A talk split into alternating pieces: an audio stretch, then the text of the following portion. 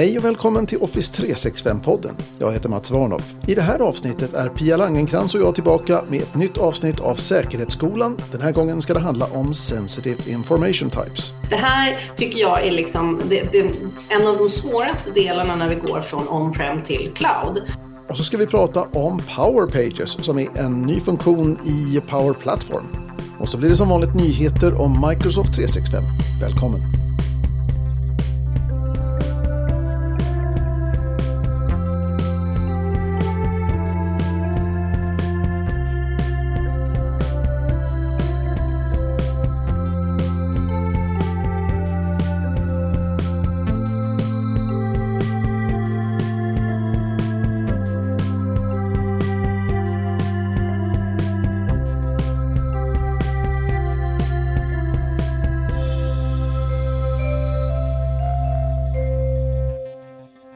I veckan som gick så höll Microsoft sin årliga konferens Microsoft Build ifrån USA. Eh, och en av sakerna som annonseras där är någonting som heter Power Pages. Power Pages är ju förstås en del av Microsofts stora ekosystem för molnlösningar. Eh, ekosystemet som innehåller sådana saker som Microsoft 365 som är en produktivitetslösning. Ja, det är lite svårt att hitta en låda och lägga Microsoft 365 i, men det är ett försök i alla fall. Eh, och sen så har vi Azure som är infrastruktur i molnet och avancerad utveckling med mera, med mera. Vi har Microsoft Dynamics som är affärssystem som CRM och ERP och stöd för avancerad anpassning för verksamheten. Och sen så har vi då Power Platform som är low code, no code utveckling för att bygga system för organisationen. Det här är några av komponenterna i Microsofts ekosystem. Och eh, den här Power Platform-historien då, vad är det för någonting? Ja, den är ju nästan ett helt ekosystem bara i sig. Där hittar vi sådana saker som Power Automate som du säkert känner igen. Flödesautomation, det här är ju oerhört populärt. Man kan bygga godkännande flöden för dokument eller listor eller saker och ting. Man kan bygga automation för att skapa sajter och teams. Och det är enkelt att bygga flöden genom att koppla olika komponenter till varandra i den här Power Automate-designen. Och när jag säger enkelt så menar jag förstås inte enkelt, utan bara inte så svårt som att lära sig ett programspråk och lära sig utveckla system den vägen. Eh, som en kollega brukar säga så här att du kan lära dig det här. Din mamma kanske inte. Och sen så har vi Power BI som är en annan komponent i det här Power Platform-ekosystemet.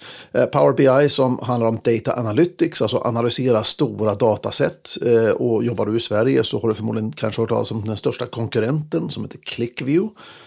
Eh, men det är en liknande applikation kan man säga. Vi har Power Apps eh, som vi kan använda för att bygga mobila applikationer som anställda kan ha med sig ut på fältet. Vi har Power Virtual Agents som vi kan använda för att bygga chattbottar som vi kan koppla till olika team till exempel eller till en webbsida någonstans. Vi har Dataverse som är en databasmiljö, vi har PowerFX, vi har AI Builder och så vidare. Och sen så hade vi någonting förut då som heter Power Portals som nu har blivit Power Pages. Så vad är Power Pages då? Ja, det här annonserades då som sagt på Microsoft Build 2022. Och de stora skillnaderna mellan Power Pages och Power Portals är att Power Pages är mycket mer what you see is what you get. Eh, det innebär att det är enkelt att designa. Det är lite grann som att bygga en SharePoint-sida faktiskt.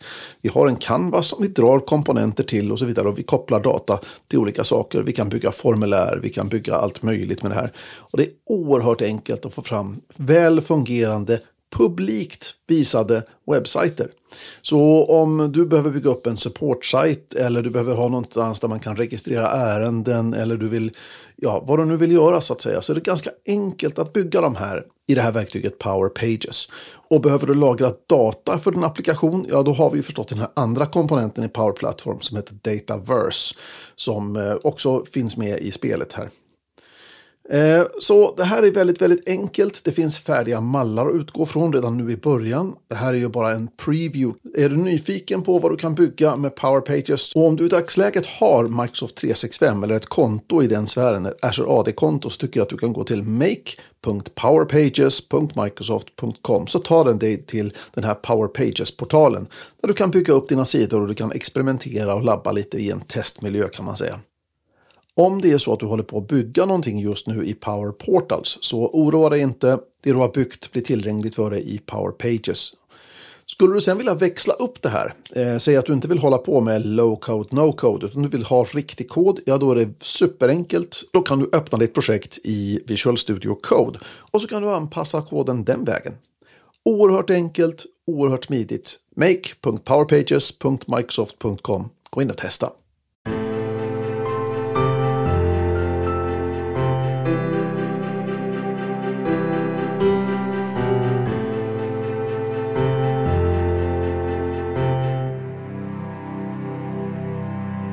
När vi ska bara skydda information, Pia, eh, mm. då, då, då finns ju massor med tekniker. Du har säkert hört talas om flera av dem. Eh, den klassiska Cloud App Security som har bytt namn till Defender for Cloud Apps. Och vi har Endpoint Security och vi har, eller förlåt, Endpoint Defender och vi har eh, drösvis med teknik. Och vi kan ha någonting som heter Purview Information Protection Purview, det är ett sånt nytt namn som Microsoft börjar hänga på många av sina compliance features och sånt där. Men innan vi kan börja slå på alla de här grejerna och data loss prevention och sådana saker så finns det en sak som vi måste ha koll på först. Kan du gissa vad det är för någonting Pia? Vad det är som faktiskt är känsligt som vi ska skydda. Precis. Ja. Vad är det vi ska skydda för någonting? Eh, och det är ju oftast information av något slag. Mm. Eh, och för att vi ska kunna skydda information eh, så måste vi först och främst ställa oss den kanske viktigaste frågan. Det är vilken slags känslig information hanterar jag i min organisation? Men alltså, det här tycker jag är liksom det, det, en av de svåraste delarna när vi går från on-prem till cloud. För att i on-prem-världen så har vi bara definierat att G är någonting, det är ett skyddsobjekt. Vår filserver ska vi skydda. Eh, man har inte riktigt skiktat G på, på det sättet som vi kan skikta i molnet. Alltså där blir det ju helt plötsligt liksom, alltså, femdimensionellt, sjudimensionellt. Eh, där vi verkligen kan dela upp det där. Så när man ställer den här frågan, vad är det vi ska skydda för någonting, till de som beställer de här säkerhetslösningarna, det vill säga IT, så är det någonting som IT inte kan svara på. Och så här, vi vet inte vad vi har, men det är någonting som ligger där som är hemligt. Så vi vill skydda allt. Mm. Eh, och då så kommer ju sådana som du och jag som säger så här, nej, det vill vi inte. För mycket av det här är bara skräp. Eh, för jag menar med varje dimension av säkerhet som vi lägger på den här informationen, desto dyrare blir det ju. Så är det absolut. Så är det, Så är det absolut. Mm. Alltså min fru hon är en av de smartaste människorna jag vet och hon, hon ställer ibland så här smarta frågor som, är, är, som jag återanvänder i många sammanhang. Och en av dem, vid något tillfälle så höll jag på då, vi pratade om dokumenthantering och så klämmer hon ur sig så vad har du för system Mats? Och då sa jag, eh, jo men det är ju SharePoint online. Nej, nu pratar du verktyg, jag frågar vad har du för system? Mm. Och då helt plötsligt då så det, det, öppnar ju dörren för mig då för att det finns olika liksom, betydelser för begreppet system. Mm. Eh, och eh, en av de betydelserna handlar just om just det här med information därför att vi får ibland förfrågningar på IT-sidan så får vi ibland förfrågningar om att vi ska skydda informationen och då pratar man om vilket system informationen ligger i. Ja, men det här ligger i det och det systemet och, i det, och det här och det här systemet. Det har följande skyddsklass eller vad det nu handlar om. Egentligen så borde vi ju skydda själva informationen som ligger i de här systemen. Om det här nu handlar om liksom ett, ett system som kanske inte har något skydd inbyggt i sig, eh, ja, då är det lite svårare att göra då, utan då får vi kanske säkerhetsklassa hela verktyget, om man nu ser mm. det då. Men eh, när vi pratar om dokument och liknande saker som vi har, som vi hanterar på G-kolon och som vi hanterar i SharePoint och alltihopa här, då finns det ju absolut möjligheter att skydda själva informationen, även om vi skyddar då dokumenten som innehåller då eh, informationen. Men om man nu eh, behöver skydda information, då behöver man göra lite saker först. Man behöver först och främst ta reda på vad är det för känslig information som vi hanterar i vår organisation? Eller om jag gör det här väldigt lokalt, så i mitt team eller i min avdelning, vad är det för känslig information som vi hanterar? Och det finns egentligen bara ett sätt att ta reda på det och det är ju att gå till sina olika processer och se hur skapar vi information? Eh, hur lagrar vi information och hur konsumerar vi information och vad är det för information? Mm. Så om man nu är liksom inom, eh, ja, jag vet inte vad det skulle kunna vara, men låt oss säga att vi har försäljning så att säga, så har jag kanske information om mina produkter. Eh, som de, den här informationen tas fram då genom någon typ av produktutveckling och den kanske tas fram också av, av pre-sales eller vad det nu handlar om då som hjälper till med prissättningar och, och, och sen så har vi tekniker som håller på att beskriva själva produkten till exempel eller vad det nu handlar om. Så det är en sak. Sen har vi säljarna, de hanterar kanske kunddata och vad är det för typer av information som vi har där inom den kategorin? Hur skapas den upp? En del av det är kanske genom eh, liksom kampanjer eller motsvarande då där man, vi samlar med e-postadresser för folk som visar intresse eller vad det nu handlar om. Men på något vis då så, så skapas den här informationen någonstans i något systemstöd eller vad det nu är. Och sen så ska den här informationen lagras och sen ska den här informationen användas någon gång. Då. Mm. Och raderas. Ja. Yes, den ska tas bort naturligtvis då när vi inte mm. behöver ha kvar den längre eller när vi inte får ha kvar den längre kanske. Mm. Precis. Så vi behöver göra den här kartläggningen. Vi behöver ställa oss de här frågorna och när vi har koll på det, framförallt då vilken typ av information vi hanterar, ja då kan vi liksom börja tala om för systemet hur den ska känna igen det här. Det finns mm. nämligen inbyggt i Microsoft 365 någonting som jag tycker är väldigt, väldigt bra. Den kan känna igen information baserat på tre saker egentligen, eh, när vi pratar om just säk ur säkerhetssynpunkten. Den första varianten är den äldsta och den kallas då i Microsoft 365-portalerna så kallas det här just för Sensitive Information Types eller känsliga informationstyper. Och känsliga informationstyper, det kan vara fraser som vi känner igen. Eh, det kan vara saker och ting som vi kan känna igen på andra sätt genom på vilket sätt vi skriver ner det, som till exempel ett svenskt personnummer som antingen är sex siffror, ett bindestreck och sen fyra siffror, eller också så är det helt enkelt åtta siffror, ett bindestreck och fyra, äh, fyra siffror. Eller vad det nu handlar om, så att vi kan liksom känna igen på det sättet som det ser ut att det här är känslig information. Samma sak kreditkortsnummer och betalkortsnummer. Eh, de har en viss formatering, de har vad ska man säga, eh, kringliggande information som den här CVV-koden och eh, liksom sista förbrukningsdatum och alla sådana saker som, som ligger som stödjande data. Och med hjälp av det här, om vi kan beskriva för, för systemet hur den här informationen ser ut, mm. så kan vi faktiskt låta systemet själv hitta allt mm. det här.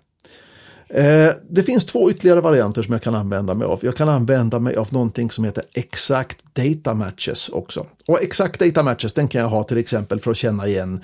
Säg att jag är ett eh, företag som håller på med mycket innovation så kanske jag vill lära den känna igen eh, just min organisations olika patent-idén. Eh, de patenten mm. som vi äger.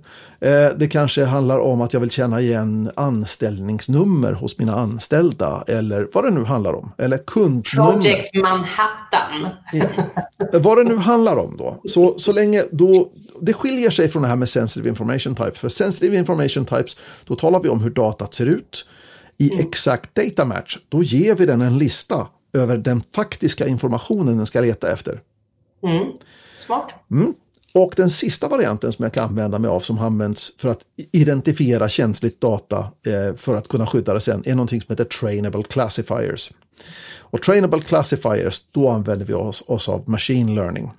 För säg då till exempel att det är anställningsprocesser och vi vill känna igen, vi vill lagra en massa CVs och sådana saker då under anställningsprocessen. Då vill vi kunna känna igen vad som är ett CV och vad som inte är det. Mm. Och vad vi kan göra då det är att vi kan, eh, vi kan skapa ett eh, dokumentbibliotek i SharePoint. Det är väldigt enkelt gjort. Och sen laddar jag upp kanske 200-300 eh, sådana här eh, CVs. Ja, och ju mer olika de här är, desto bättre. Och sen så får systemet egentligen gå, gå igenom det här och titta och se om den kan känna igen vad som är typiskt för ett CV. Och när den har jobbat ett dygn eller så, så att säga, så rapporterar den att nu är den klar. Och då kan jag ge den ett mycket större dokumentbibliotek där det är lite blandade dokument. Och sen ska vi helt enkelt se då hur bra systemet har blivit då på att känna igen just ett CV bland alla de andra dokumenten. Mm. Eh, och när jag har tränat det här systemet ganska bra, ja då kommer jag kanske upp då i 99,6 procent eller något sånt där sannolikhet då att den faktiskt korrekt kan identifiera ett CV bland tiotusentals andra dokument. Så det här är de tre stycken eh, metoderna som jag kan använda mig av för att, att lära systemet att känna igen känslig information. Alltså trainable classifiers, sensitive information types och det här med exact data matches. Mm. Nu måste jag ju ställa en, en, en sån här businessfråga till dig. Vad kostar det här? Ja, det är ju en bra fråga. Men när vi pratar om sensitive information types, eh, då är det sånt som ingår i de allra flesta varianter av Microsoft 365. Det klarar den av att känna av out of the box, typiskt mm. då. När vi pratar om exact data matches och trainable classifiers, då är det inte så, utan exact data matches och trainable classifiers är saker och ting som kräver lite finare licenser. Mm. Och anledningen till det, det är just därför att vi, vi kommer att konsumera en massa CPU-cykler, så att säga, en massa arbete hos Microsoft eh, som deras datorer helt enkelt ska göra för att hjälpa oss, eller, så att vi ska slippa göra det helt mm. enkelt. Då. Och där är det ju också vad jag tycker man ska titta på liksom sitt business case som man har internt för att göra den här sista delen av de här tre. Ehm, där det är enkelt att förklara med CV, men det är kanske inte rekryteringsprocessen vi kommer känna igen de här pengarna, men kanske i våra eh, kundordrar, eh, våra kundavtal, se när de är giltiga eller inte. Och här kan vi blanda in massor av olika språk. Eh, och där vi kan dunka in dokument från, eh, kanske till och med när vi har liksom klivit ur en marknad och inte har den kompetensen längre som är där, så har vi en möjlighet att, liksom att vaska igenom alla de här dokumenten. Så kan vi säga att här borta kanske det finns en massa avtal som vi måste spara i, liksom, i 13 år till. Ja, då kan den här modellen vara värt det. Absolut. För att där har vi också, där vill vi inte liksom kasta in fyra, fem stycken praktikanter som läser igenom allting, för det kan ju vara rätt så känslig information. Um, men det går inte att, att muta en dator till att flytta iväg de här grejerna. Liksom. Så det, uh, och en, en praktikant tröttnar ganska snabbt och kanske inte är så smart ändå. Där kanske datorn är smartare. Verkligen. Alltså det som, det som vi har som hjälp när vi väl har liksom satt upp de här systemen är ju att systemet då kan, förlåt, Eh, Microsoft 365 då kan hjälpa oss att hitta var den här informationen finns i våra olika system. Så den kan titta i, i Team och SharePoint-sajter och OneDrives och så vidare. Och om det är så att jag dessutom skapar en eh, man kan ladda hem en slags file classification scanner eh, som ligger, den hörde till den gamla Azure Information Protection. Men den här classification scannern, den kan egentligen låta spindla igenom våra delade mappar. Så att har jag en stor filserver till exempel i datacentret där hemma, ja då kan den gå igenom alla delade mappar där helt enkelt och bara peka ut då, eh, och då, jag behöver liksom inte gå någon speciell stans utan jag går till vanliga compliance-centret eller som det heter numera, Microsoft Purview. Mm. Eh, och så kan jag titta i ett verktyg där som heter Content Explorer. Så talar den om för mig exakt, ja, här ligger de här i mejlen och här ligger det här i Teams och här ligger det här på era filservrar. Mm. Eh, och då får jag liksom sökvägar, jag får hur mycket data handlar det om och så vidare. Så att jag får en, en oerhört bra koll. Och när jag just har skaffat mig den här bra kollen och jag kan liksom med, med god, eh, gott självförtroende säga att jag vet vart vi har alla våra avtal någonstans ja, då kan jag ju sätta igång med processen då för att jaga ut hur jag ska skydda de här dokumenten, antingen där de befinner sig eller också om jag då helt enkelt bara vill använda det här för att jag vill flytta alla de här avtalen då till, till mm. samma plats. det är ju så himla bra. För det är också den här som, jag tänker på, vem är det som ska titta på den här compliance center? Det är ju inte du och jag som sitter på IT. Absolut inte. Det är ju någon som, ja men jurist, avtals Eh, liksom inköpare eller någonting som är så här, ja, men nu, nu går vi igenom det här. Och just den här, eftersom när vi slutade att göra saker på papper och gjorde mer på mail, särskilt förhandlingarna som var på mail, eh, så, så, finns det ju så otroligt mycket där.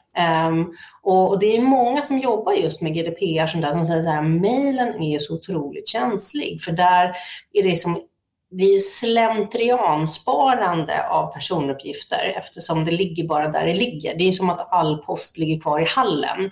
Ehm, jag menar, man kan ju liksom juridiskt hävda att om jag nu har lyft ut en del av posten och lagt in i en perm som står räkningar på så får vi anta att det var en människa som en gång tyckte att det där var en räkning. Men när det fortfarande ligger kvar i hallen så kan du säga att det här är oansvarigt för att hantera personuppgifter på det här sättet. Nu får ni böter.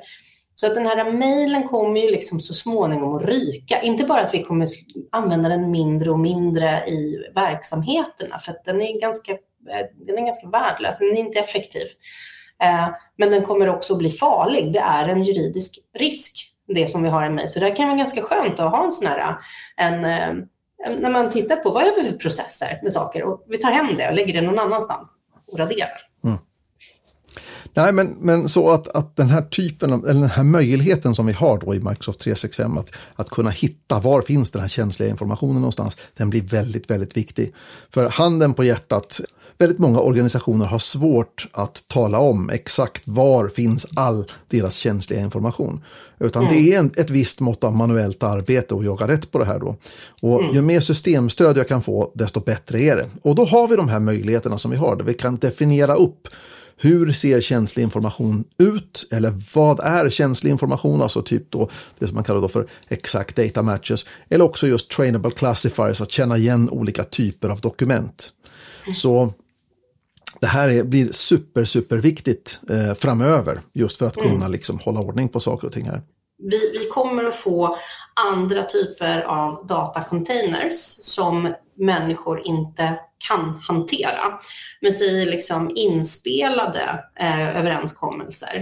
Eh, det är väl som försäkringsbolag har blivit ganska duktiga liksom på sådana saker. Att ja, men jag läser upp de här eh, villkoren för dig och du får svara ja och du får godkänna med bank-id.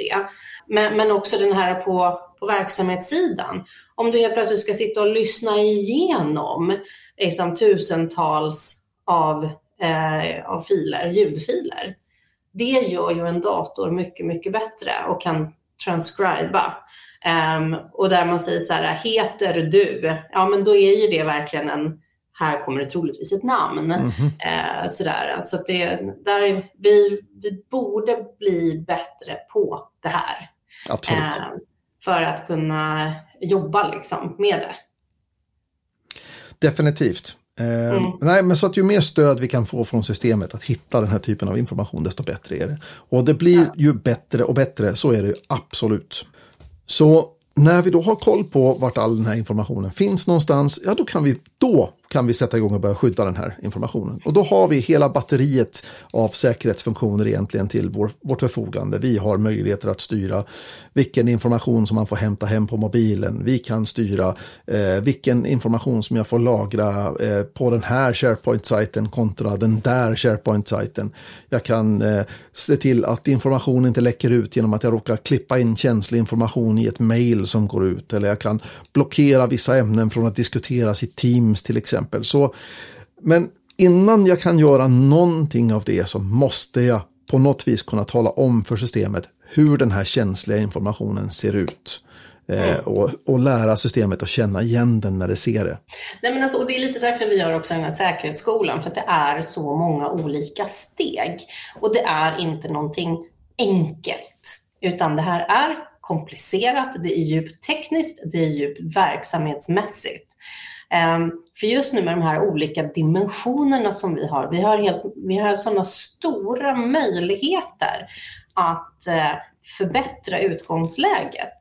Ehm, just sådana här saker som att i, i vissa olika eh, säljstöd så är det så om du har en användare så har du tillgång till allting. Ehm, och det kan man ju tycka är ganska rimligt att om jag svarar i telefonen som säljare så ska jag kunna sälja allting till våra kunder. Men det kanske är så här, men om jag jobbar i Sverige och jag jobbar med småkunder så kanske bara det som jag ska kunna se, eller jag ska bara kunna se mina kunder. Jag kanske inte ska kunna se stängda affärer överhuvudtaget. För det är ju ändå jag som säljare som är den, det största hotet mot säljverksamheten för att jag plockar ut den informationen och tar den och startar ett eget företag eller börjar jobba för en konkurrent. Och då börjar vi prata egentligen om en helt, helt område inom Microsoft säkerhet som kallas då för insider risk. Mm. Och det kan vi absolut ägna flera avsnitt av Säkerhetsskolan åt. Eh, med alla möjligheter vi har där för att, att eh, kunna upptäcka risker i samband med våra anställda och så vidare. Då. Det har mm. vi. Vi ska säga en sak till som är viktig då när vi pratar om det här med känsliga informationer. Det är att knyta tillbaka nu till det som du sa i början Pia och det är att det här, den här kartläggningen av information kan inte ske på initiativ ifrån IT. Eh, det kan inte vara IT som är beställare, det kan inte vara IT som är mottagare av den här informationen. Vad IT kan göra är att den kan hjälpa övrig verksamhet med de tekniska aspekterna av det här att hjälpa till och klura ut då. Så att om ni, om du sitter på en avdelning och du hanterar en viss typ av känslig information så kan IT hjälpa dig att beskriva den här informationen för systemet och därefter kan systemet hjälpa dig att hitta mm. var den här informationen finns någonstans. Men det kommer aldrig att ske på initiativ av din IT-avdelning. Det är inte din IT-avdelning som har ansvaret för att göra det här, utan det här är verksamhetens ansvar som, som ska göra det här. Verksamheten måste beställa saker och ting och verksamheten måste sedan vara mottagaren av informationen tillbaka. För mm. IT kommer inte att göra någonting åt det här själva. Utan det är ni, du som sitter i verksamheten och du och dina kollegor, det är ni som ska bestämma hur vi ska skydda den här informationen. Och IT kan hjälpa er att klura ut smarta sätt att göra det här på. Men Ingenting är på ITs ansvar eller på ITs initiativ, utan initiativet och ansvaret, det måste verksamheten bära. Ja, nej men så är det. Och, och det är också mycket sån här, man säger IT-säkerhet hamnar på IT-avdelningen. Men man säger nej, informationssäkerhet, om man säger så här, i-säkerhet ska sitta någon annanstans. Och sen så finns det den tekniska aspekten av det här ska IT-avdelningen ta hand om. Absolut. Eh, och just den där då att hitta, dels så måste vi få tag på den här eh, juristen eh, som har den legala eh, definitionen av vad som är känsligt. Eh, sen måste vi också hitta processledare och, och det är mycket liksom i ledningsgruppen som är så här, vad är det som är viktigt för den här businessen? Vad är det som är för vår verksamhet? Vilka processer? Och så börjar man med de olika processerna. Alltså inte så här, nu ska vi ta hela bolaget, utan nej, men ta enhet för enhet eller en process för process.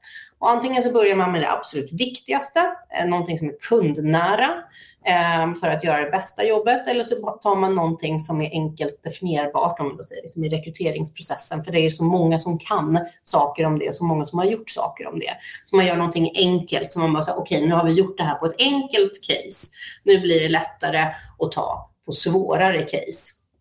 Precis. Man får inte bara sätta sig upp och titta på hela verksamheten. Nu ska vi ha en temavecka, alla ska bli mer säkra. Vi ska, vad, är, vad är det här? Eh, och man kan också behöva jobba dynamiskt med sina säkerhetsklassningar. Alltså det är, många olika har liksom tre, fyra, fem olika säkerhetsklassningar. Eh, nu i den här nya världen så har vi fler dimensioner på det här och där kan man göra mer saker och där kan man behöva tänka till och tänka om eh, och tänka mer. Mm. Så det är nog... Mm. Och just säkerhetsklasser eller, eller vad man nu ska säga, informationsklassificering. Det är ju någonting ja. som vi kan komma och prata om vidare i kommande avsnitt av Säkerhetsskolan. Mm, absolut. Men eh, återigen då som sagt att det, det, finns så många organisationer som tänker sig att det har med datorer att göra, så det har med IT att göra. Och, och tänker man så så skulle IT lika gärna kunna säga så, ja men det är ju massa el i datorerna. Det här måste ju vara en elektriker som ska göra. Mm. Eh, det funkar inte så. IT kan hjälpa till med de tekniska aspekterna av att beskriva och identifiera informationen. Men resten av kunnandet, det måste komma ifrån dig och övrig verksamhet i mm. organisationen. Jag, jag brukar, för att förenkla det där, så brukar jag säga att det är verksamheten som är ansvarig för att beskriva behovet. Sen så tolkar jag det på IT som ett krav. Mm. Ehm, jag kan inte kräva att organisationen är kravställare, för att en, en organisation skulle aldrig någonsin kunna drömma om Intune eller de här säkerhetsklasserna eller hur, liksom att, hur, hur ska en sån här sökning crawl se ut? Utan de är bara, jag vill kunna skydda alla mina dokument när de är på de här olika ställena. Och då kan man säga så här, okej, okay, och då sitter jag på IT, då tolkar jag det, beskriver det på någonting som sen går att testa och följa upp på och skapa ett verktyg kring. Men när, men när vi gör så att verksamheten ska beskriva verktyg, då får vi sådana här kravspecifikationer som jag säger, jag vill att söken ska se ut som Google och så vill man bara mm. byta jobb. Precis. Precis. Du Pia, tack så jättemycket. Mm, tack själv. Tack själv.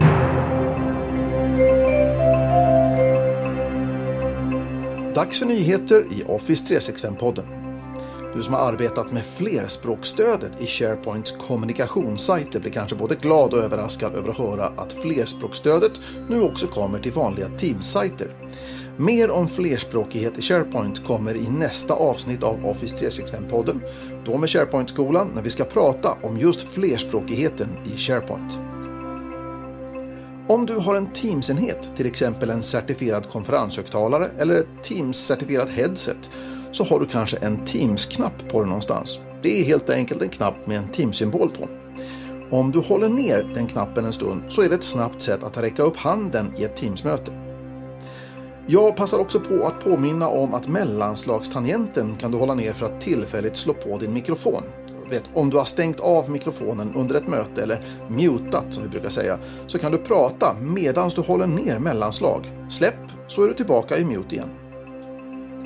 Om du använder Outlook som mailklient så kommer du under juni månad få två olika sätt att skicka bilder i mail. När du drar in en bild så kommer du få frågan om du vill ha bilden med som en del av själva mejlet eller om du vill lägga dem som bilagor istället. Ganska praktiskt att ha bägge möjligheterna. Om du som jag använder en modern Mac med M1-processor så kan det vara bra att veta att Microsoft sakta men säkert erbjuder stöd för M1-arkitekturen i fler och fler applikationer. Just Teams är inte redo ännu, men det finns en betaversion som fungerar bra, men en del komponenter som har med ljud och bild att göra använder fortfarande så kallad Rosetta 2-emulering för att funka på M1-mackar. Om du vill testa att köra M1-betan av Teams så kan du hitta den på Microsofts webbplats genom min snabblänk varnolf.link teams-m1. Och det var nyheterna i Office 365-podden.